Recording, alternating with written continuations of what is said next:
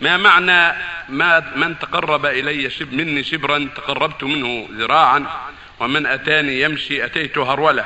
ما معنى؟ هذا, هذا حديث صحيح.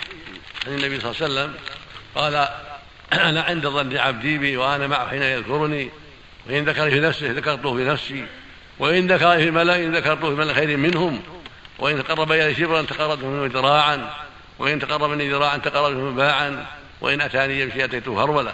هذا من الرب عز وجل حث العباد على ذكره والمسارعة إلى طاعته سبحانه وتعالى. وتسيرها هذا إليه سبحانه وتعالى. لا يعلم كيفية هذا التقرب منه جل وعلا إلا هو سبحانه وتعالى. مثل ما نقول في استوائه ونزوله وغضبه ورحمته كلها صفات تليق به. لا يشابه فيها خلقه ولا يعلم كيفيتها سبحانه سبحانه سبحانه سبحانه وتعالى. فلا نكيف تقربه ولا نكيف مجيئه ومشيه وهرولها فلا نكيف ذلك بل نقول على وجه اللائق به سبحانه وتعالى. لكن لكن من ثمرة هذا ومن مقتضاه أنه أسرع بالخير إلينا أسرع بالخير إلينا سبحانه وتعالى وأرحم بنا جل وعلا. نعم.